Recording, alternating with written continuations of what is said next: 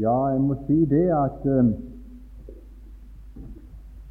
da det ble spørsmål her om å være med og si noe, og en, uh, å være med og si noe her på dette kurset, så kan jeg ikke si annet enn jeg ville, jeg ville helst ha sluppet. Men da det så ut til at ikke Aurebekk kunne komme bort, og det var vanskelig å få noen andre, så ble det til det at jeg svarte ja, jeg skulle prøve å være med. Og um, Grunnen for at jeg svarte ja, det er at jeg tenkte det er kanskje en og annen av de unge som kanskje hadde brukt for det som jeg skal frembringe her. Det kunne være en og annen. Og mitt ønske og bønn til Gud det er iallfall at det skulle være en eller annen som kunne få bli beriket ut ifra disse sannheter som skal frembringes. For min del så um, må jeg si det med en gang dette å holde bibeltime det er noe jeg ikke kan. Og i det hele tatt å tale det er noe jeg ikke kan. Men jeg kan være, være med å avlegge et vitnesbyrd eller bringe fram noe som har vært godt for min sjel, har velsigna min sjel. Det kan jeg være med å frembringe til andre. Og så vet jeg det at det, er, det kan også bli til velsignelse for en og annen. Nå var det sånn veldig rik time den forrige time vi hadde, og jeg hadde følelse at, at Salme 23 Jeg tror dette vi skal få oppleve det under kurset, at disse sannheter i Salme 23 det skal bli sant. Han lar meg ligge i grønne enger, han leder meg til hvilens vann. Jeg tror det skal bli slik her, at vi skal skal bli liggende i grønne enger og lede til hvilens vann. Det som eh,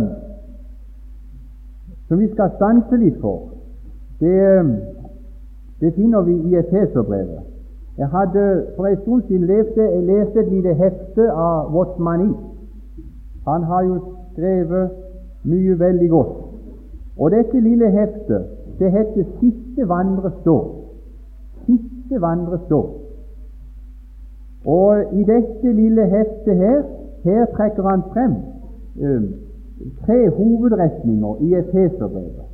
Det er ingen utleggelse av Feserbrevet vers for vers, men det er hovedretninger og hovedlinjer som han tar frem. Og eh,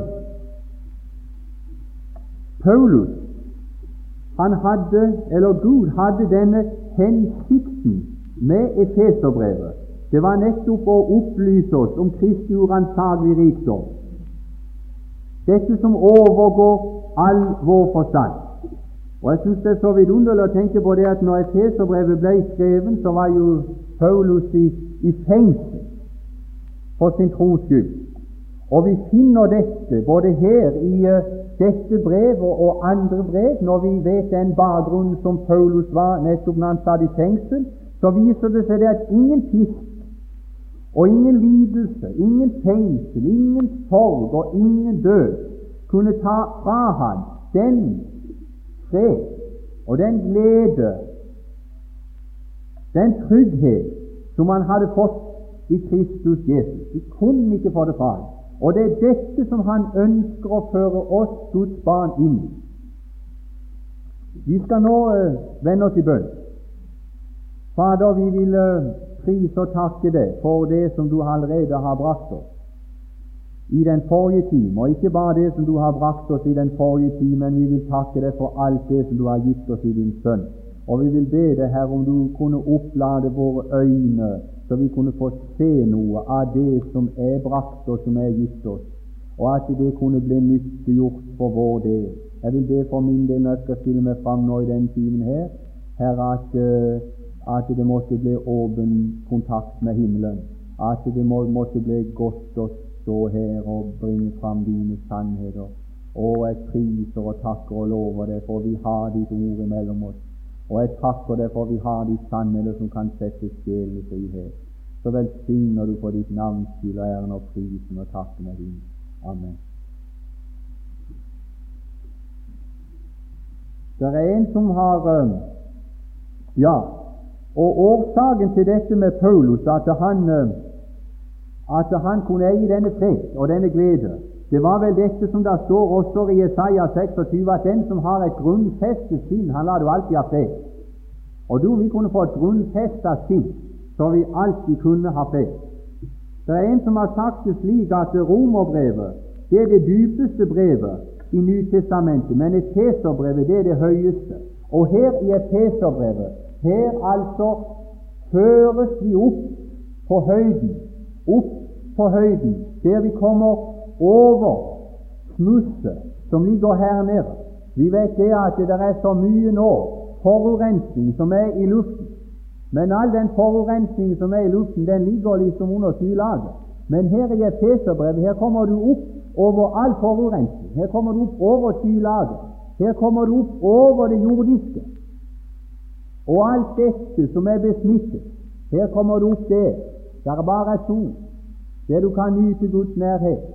Det er det høyeste brev. Det tror jeg er, er riktig. Og nøkkelordet for det som, som uh, vi skal stanse litt for nå, det har du i Efeserbrevet 2.4-7. Der har du siste. Og så har du uh, Efeserbrevet 4.1. Der har du vandre. Og Efeserbrevet 6.11. Der har du stå. Vi skal lese nå fra Efeserbrevet 1.17. Vi kan lese fra vers 15. I Jesu navn. Deretter, etter at jeg har hørt om deres tro på den Herre Jesus Kristus og om deres kjærlighet til alle de hellige, holder jeg ikke opp med å takke for når jeg kommer eder i hu i mine bønner, at vår Herre Jesus, at vår Herre Jesus Kristi Gud, Herlighetens Fader, måtte gi eder visdom og åpenbaringsånd til kunnskap om seg, og gi eders hjerte opplyste øyne, så I kan forstå hvilket håp det Han har kalt eder til, og hvor rik på herlighet Hans arv er blant de hellige, og hvor overvektig stor Hans makt er for oss som tror etter virksomheten Hans veldige kraft, som Han viste på Kristus da Han oppvakte ham fra de døde og satte ham ved sin høyre hånd i himmelen, over enhver makt og myndighet og velde og herredom og ethvert navn som nevnes ikke bare i denne verden, men også i den kommende, og la alt under hans føtter, og ga han som hoved over alle ting til menigheten, som er hans legeme, fylt av Han som fyller alt i alle. Og så leser vi Efeserbrevet 2, 4-7. Men du, som er rik på miskunn, har for sin store kjærlighets skyld, som Han elsket oss med, gjort oss levende med Kristus, enda vi var døde ved våre overtredelser. Av nåde er vi frelst, og oppvakt oss med Ham og satt oss med Ham i himmelen i Kristus Jesus, for at Han i de kommende tider kunne vise sin nådes overvektes rikdom mot oss i godhet mot oss i Kristus Jesus.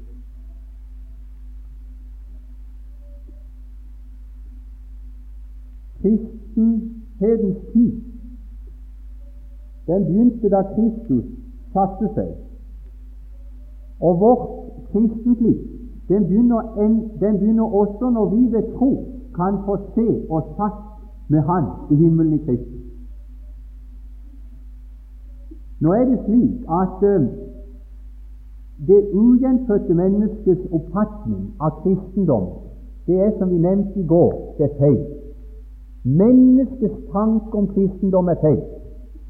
Og det er ikke lenge siden det var en oppe på Lolandsheim. Han eh, nevnte det slik for meg. Han sa det at ja, jeg ønsker å bli en kristen. Jeg vil gjerne bli frelst.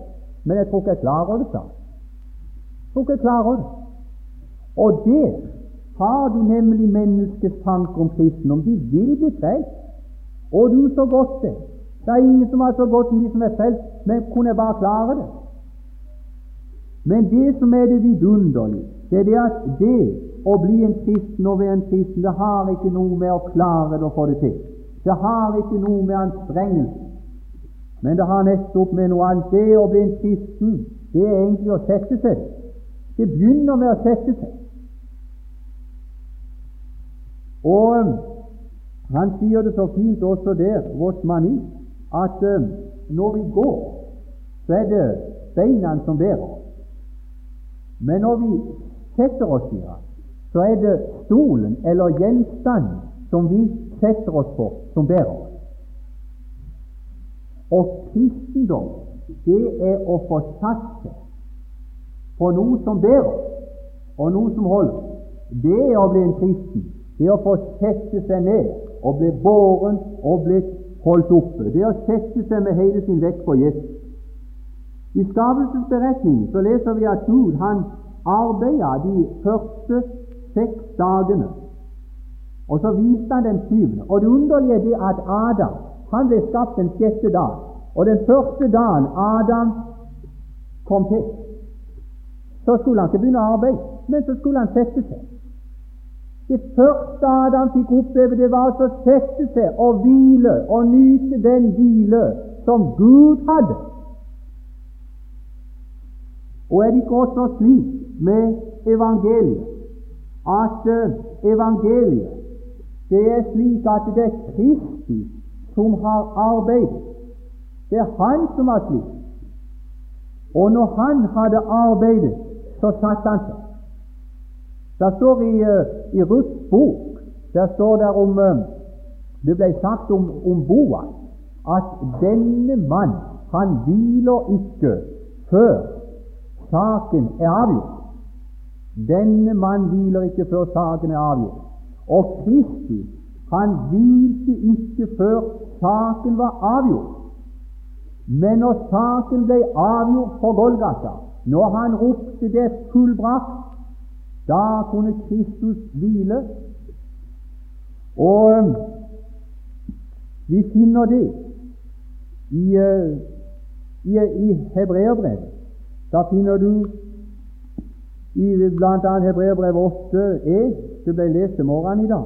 Men en hovedsak ved det som her sies, vi har en sådan ypperste prest som satte seg ved høyre side av majestetens trone himmel. Og han, Kristus, han satte seg som ypperste prest. For den del av ypperste prestens gjerning som han nå hadde fullbrakt. Det vil si det at han hadde nå ofra seg selv, han hadde nå frembåret sitt eget blod inn i helligdommen, og det var fullbrakt. Derfor kunne Kristus sette seg. Som det står i Hebreerbrevet 9,11.: Men da Kristus kom som ypperste prest for de kommende goder, så gikk han med sitt eget blod en gang inn i helligdommen og fant en evig forløsning. Da kunne han sette seg. Og Hebreerbrevet 10, 12. Men han har fremvåret ett offer for synder og har deretter for alltid satt seg ved Faderens høyre hånd. Og har deretter for alltid satt seg. Så det er vidunderlig å få lov til å se det at når Han har satt seg ved dette og frembringe offer, så kan også vi sette oss. Nå, nå er det egentlig først når vi kan få se denne, få se Kristus og få se hva Han har tilveiebrakt, at vi slutter med å streve. Og Derfor så står det så fint i Hebreerbrevet 9. I Hebreerbrevet 9, 14, der står det hvor meget mer skal da Kristi blod, Han som ved en evig ånd bar seg selv frem som et ulastelig offer for Gud, rense eder samvittighet fra døde gjerninger til å tjene den levende Gud. Det er noe som kan rense våre hjerter eller våre samvittigheter fra døde gjerninger, og det er Jesu blod. Det er sannheten om Jesu blod. Her var ikke snakk om å få rensa samvittigheten fra onde gjerninger, men fra døde gjerninger.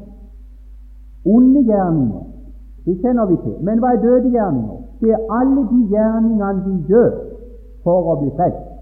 Det er de gjerningene vi gjør for å få hvile, for å få fred. Og det er bare én ting som kan rense våre samvittigheter ifra å gjøre døde gjerninger. Det er når vi får se sannheten om Jesu blod. For Han har tilveiebrakt og gjort for oss. Så renses vi ifra døde gjerninger. Og, og det er det er fint når det er at uh, sangeren sier 'Nå kan jeg hvile fullkommen glad, sjelen kan nyte himmelens mat'. Hjertet renset, skylden betalt, selger jeg intet Kristus mitt alt.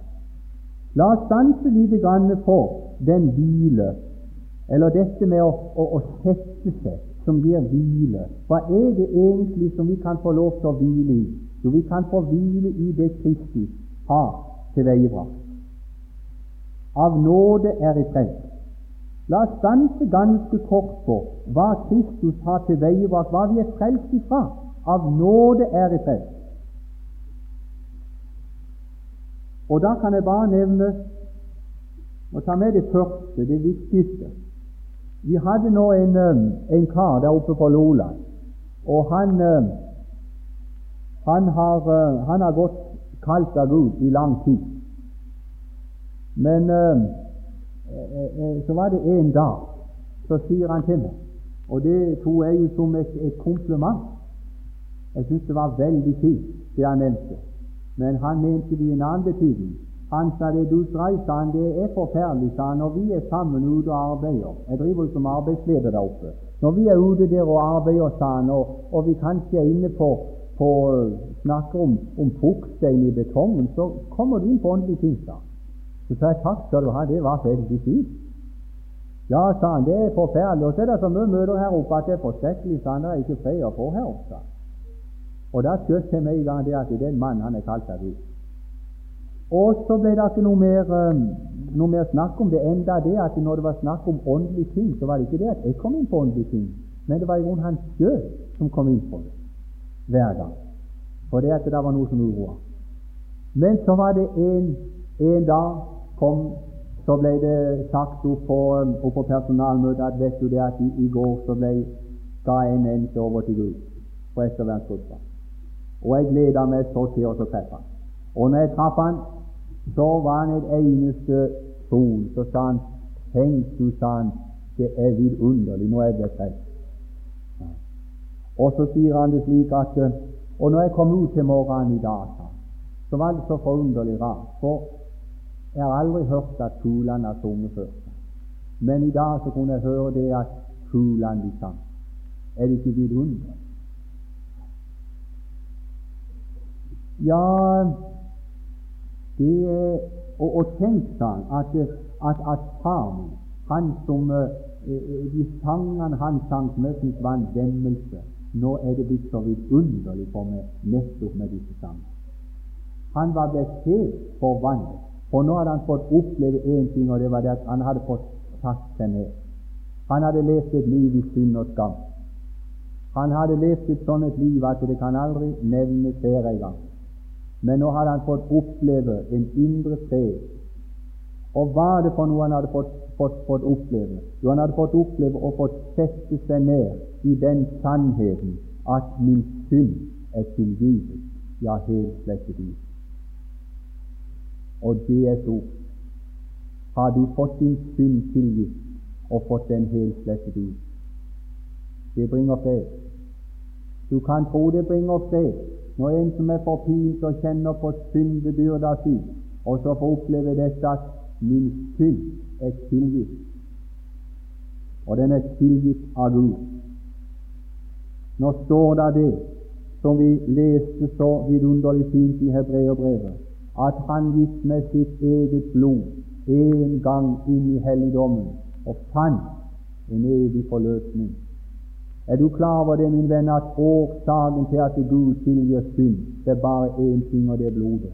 For uten blodsutgytelse skjer ikke forlatelse.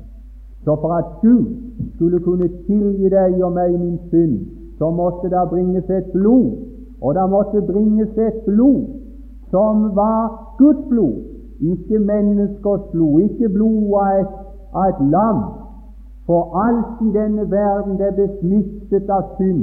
Både menneskeblod og dyreblod er ingenting som er fullkommen. Men det var et blod som var fullkommen, og det var Sønnens blod. Det var Guds eget blod.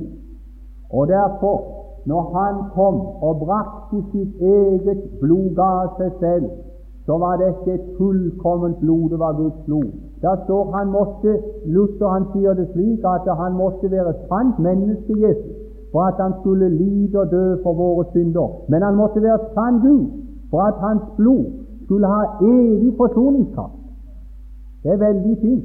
Derfor var det egentlig Guds eget blod. Og når Han kommer med sitt eget blod en gang inn i helligdommen, så tilfredsstilles Gud, så finner han en evig forløsning. Er Gud fornøyd med det blod som dekker over all synd og all brøde. Derfor, uten blodsutgytelse skjer ikke forlatelse. Og når en sjel får se dette, at uh, hva Jesu blod betyr, og får se at det gjelder også for meg, forgripe de tro, så bringer du sykelig ro. I Efeserbrevet 1,7 har du også den, den herlige sannheten i hvem vi har forløsningen ved Hans blod, syndernes forlatelse etter Hans nådes rikdom. Hør det, kjære venn, det første du får når du kommer til Gud, du får syndernes forlatelse. Og du skal få det efter Hans nådes rikdom, slik at din synd den er tatt bort, ikke fra ditt hjerte, men den er tatt bort som fordømmelsesårsak for evig og alltid, og du skal aldri se den mer igjen. Og Derfor så kan du se den veien og vite det at det er ingen synd, det er ingen slag lenger som skal ramme meg fra Gud på grunn av synd, men nå er synden sonet, og Gud, han har tatt imot soningen, er fornøyd. Jeg hviler det. Det er godt. Og så er det en annen ting jeg må også bringe her, som er herlig, og det er det at det er det at um, i, uh, i Galaterbrevet der står det tale om ja, der står tale om, om loven flere steder. Og dette med loven, det er sannelig ikke spøk. For det er, det er de som tror det at vi er frelst, og så skal vi liksom, uh, når vi har fått syndens forlatelse, så må vi liksom ja, da må vi ha med loven å gjøre. Ja. Det er noen som sier at loven er stabelstein på vei. Men det var som jeg, som jeg sa det i, går her, det var, jeg hadde just hørt en som talte om loven som stabbestenger. Det er ikke spøk nå med, hvis vi skal kjøre med bil nå og så ha stabbesteiner. Det er for dårlig med stabbesteiner. Ja, hvis du kjører bil. Nå er det fenderkanter. Det er fenderkanter nå. Det var før i gamle dager som de brukte stabelstein. Men det går ikke med stabelstein. Det er for dårlig. Og tenk jo når det gjelder lov, så er det vidunderlig også å få se den sannhet fra Galaterbrevet og andre steder også i Skriften, når det står det at vi er fri fra loven. Jeg skal også få lov til å få sette meg ned og hvile der når det gjelder loven. I Galaterbrevet 2, la oss stanse litt på det. Galaterbrevet 2,19. For jeg er ved loven død for loven for å leve for Gud. For jeg er ved loven død for loven for å leve for Gud. Alt dette er noe som Kristus har til tilveiebrakt. Jeg er ved loven død for lov. Det er da to sannheter som er satt. Jeg er ved loven død for lov. La oss tenke oss en rettssak. Og i den rettssak der er et menneske stevna inn for retten. Dommeren han sitter på dommersetet, og retten den er satt. I det at dommen skal leses opp for vedkommende person som sitter skjelvende og redd, plutselig så griper den mann seg til hjertet og så tegner han opp. Og i det at han tegner opp, så springer der en mann bort, og han er lege, og så kjenner han på, på pulsen, kjenner på hjertet, og om en stund så reiser han seg opp og sier han det at den, han er død. Han er død. Hva skjer så? Skjer dette da at dommeren at han fortsetter å lese opp dommen? I det øyeblikket den mannen er død, så blir, så blir retten oppløst, og så går de hver til sitt.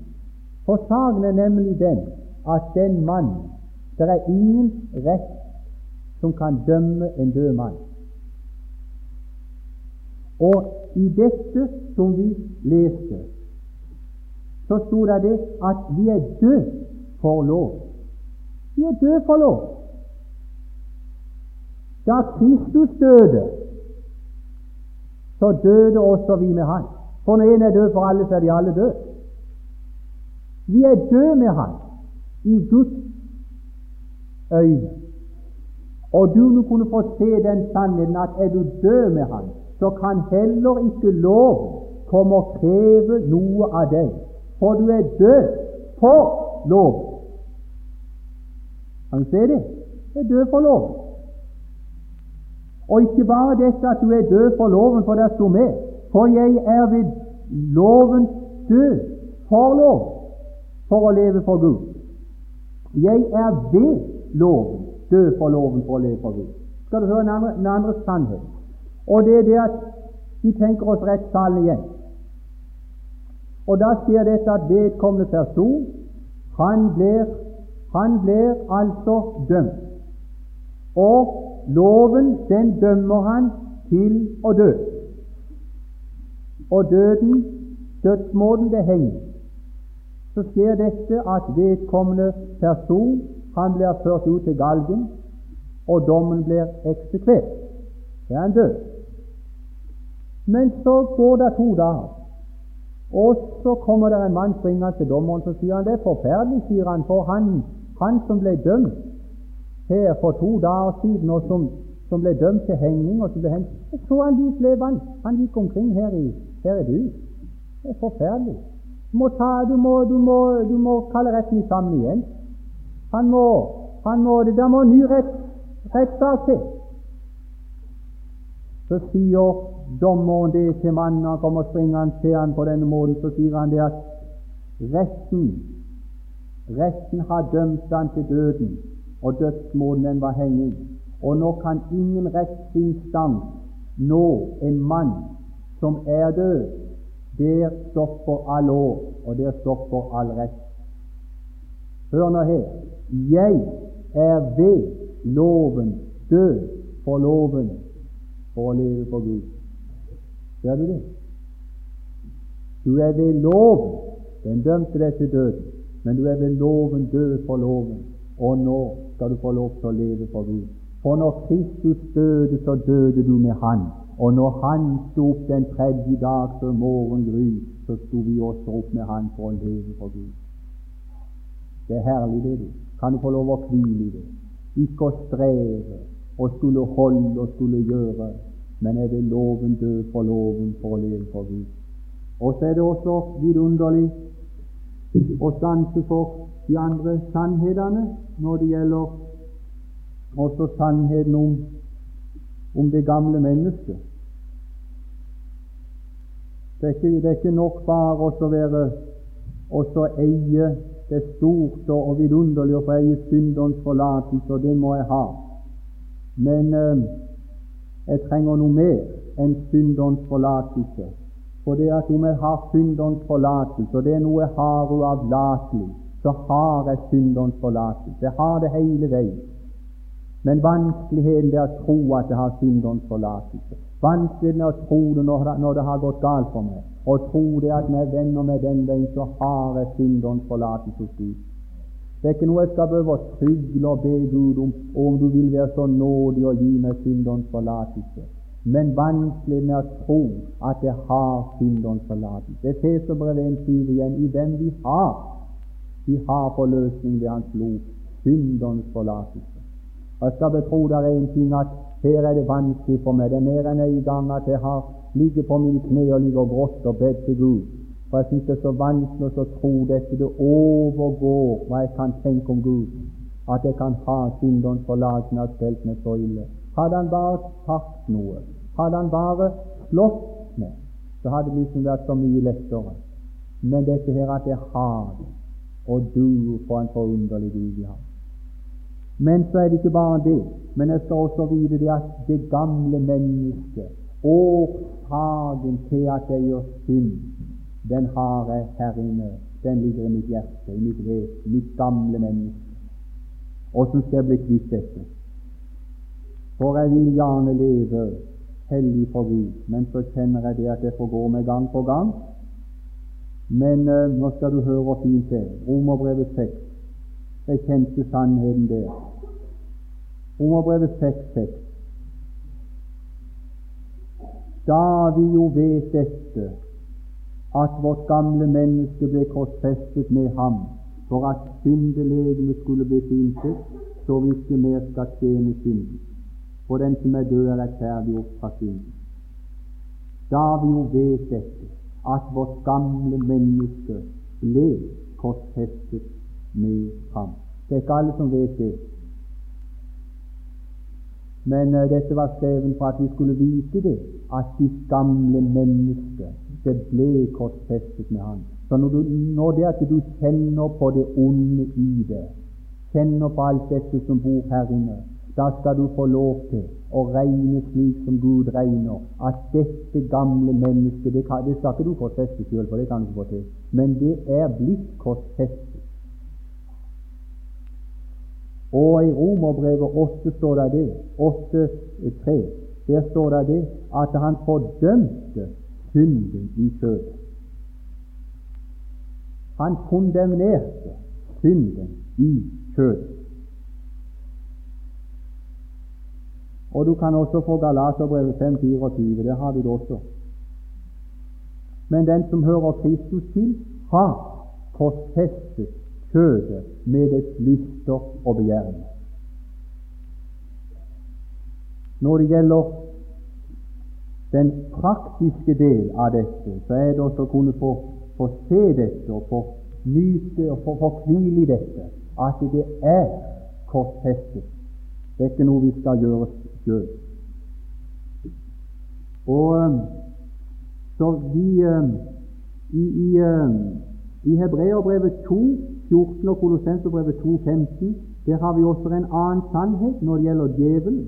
Så kjenner vi det at vi har en djevel som er etter oss. Og det er godt å vite det at når det gjelder djevelen, så står det det i Hebreerbrevet 2 at 2.15 eller 2.14 For at han, ettersom barna har del i blod og kjød, fikk også han i like måte del deri, for at han ved døden kunne gjøre til intet den som hadde dødens velde, det er djevelen. Han kunne gjøre til intet. Og i Kolossenserbrevet har du det, to der har du også i Kolossenserbrevet 2.15 at han avvæpnet maktene og myndighetene og stilte dem åpenlyst til skue det han viste seg som seiersherre over dem på korset. Han avvæpnet, og han tilintetgjorde. Han skulle gjøre tilintet, står det. Ikke tilintetgjorde, men han skulle gjøre tilintet den som hadde dødens velde, det er djevelen. Og det er sikkert. Når det gjelder djevelen, så er han levende. Men når det gjelder hans han er, han er stilt åpenlyst til skue, så vi kan se og se hans makt. Og ikke bare dette, men hans våpen er tatt ifra. Vi har noe som vi kan få lov til, og hans våpen, det har jeg nevnt noe om her.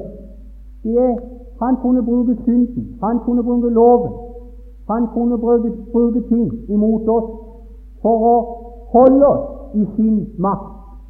Men når vi får se disse sannheter her i Skriftens lys, så får vi se det at djevelen er lenkebundet.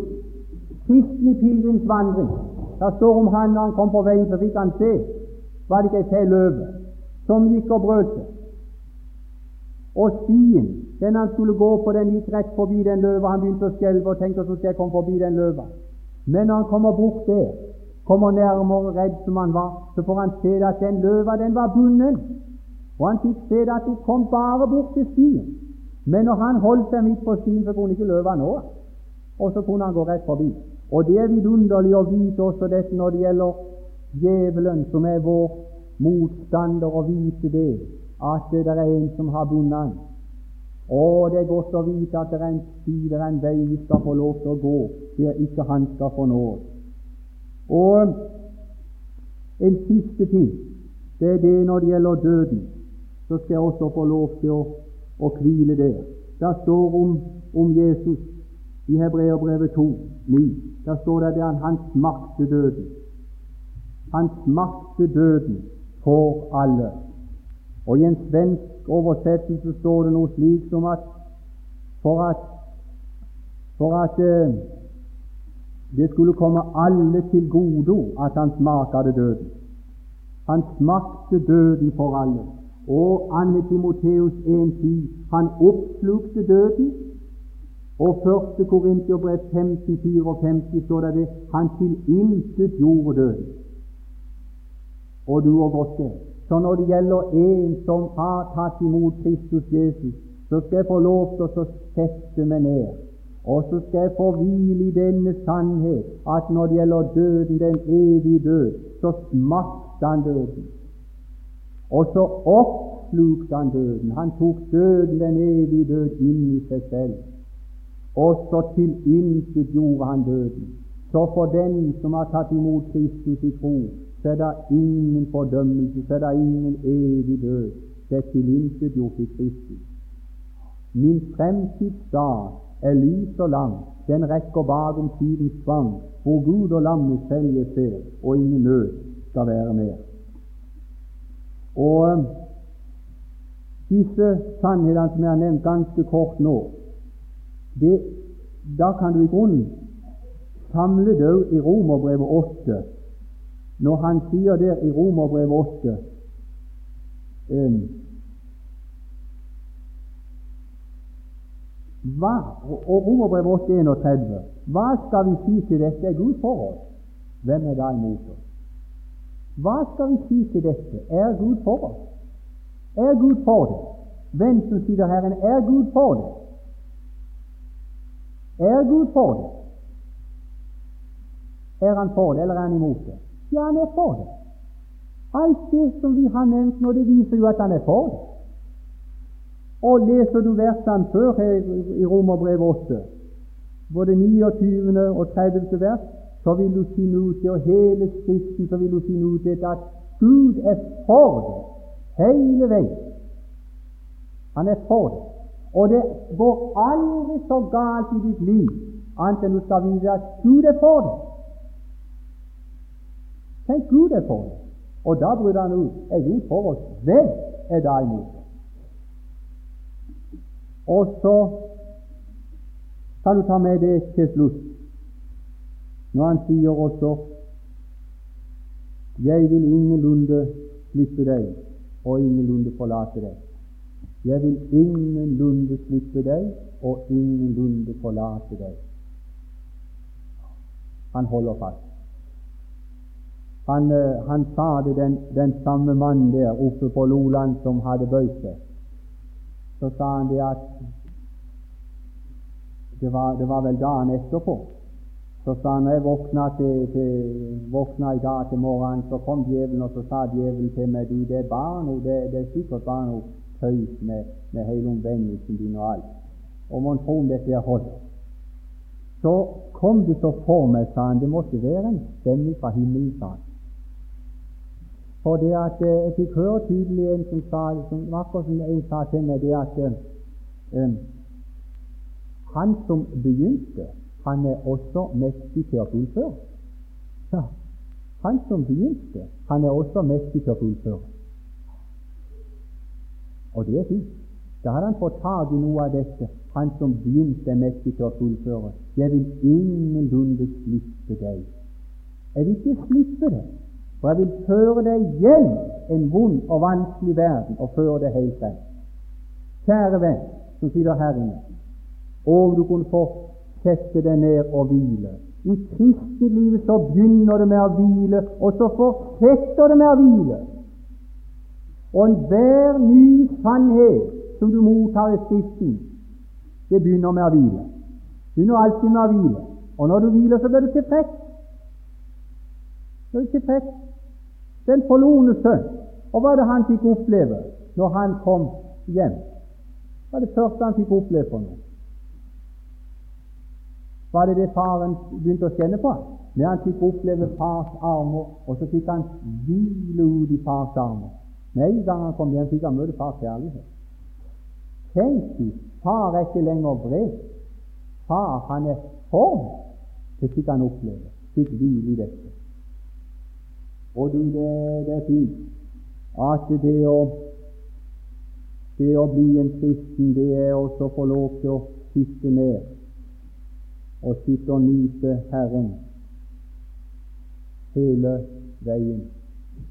Og vi skal stanse litt mer i, i, i morgen for den samme sannhet når det gjelder dette ved å, å sitte. Og det er i grunnen akkurat det samme som Arnold holder på med i sine timer, det å få se og få sette opp. Ja, og sette det ned. Sett det ned. Og jeg skulle ønske denne timen kunne bli, eller disse møtene her nå i dag, kunne, kunne, kunne bli innledning til at du virkelig fikk satt det. For um, det står når han skulle mette de 5000 i ørkenen, så sa han til dem at uh, nå må dere sette deg ned. De måtte først sette seg ned. Hvorfor da? Jo, for eh, de måtte sette seg ned i gresset, og så skulle de få mat. Sette deg ned.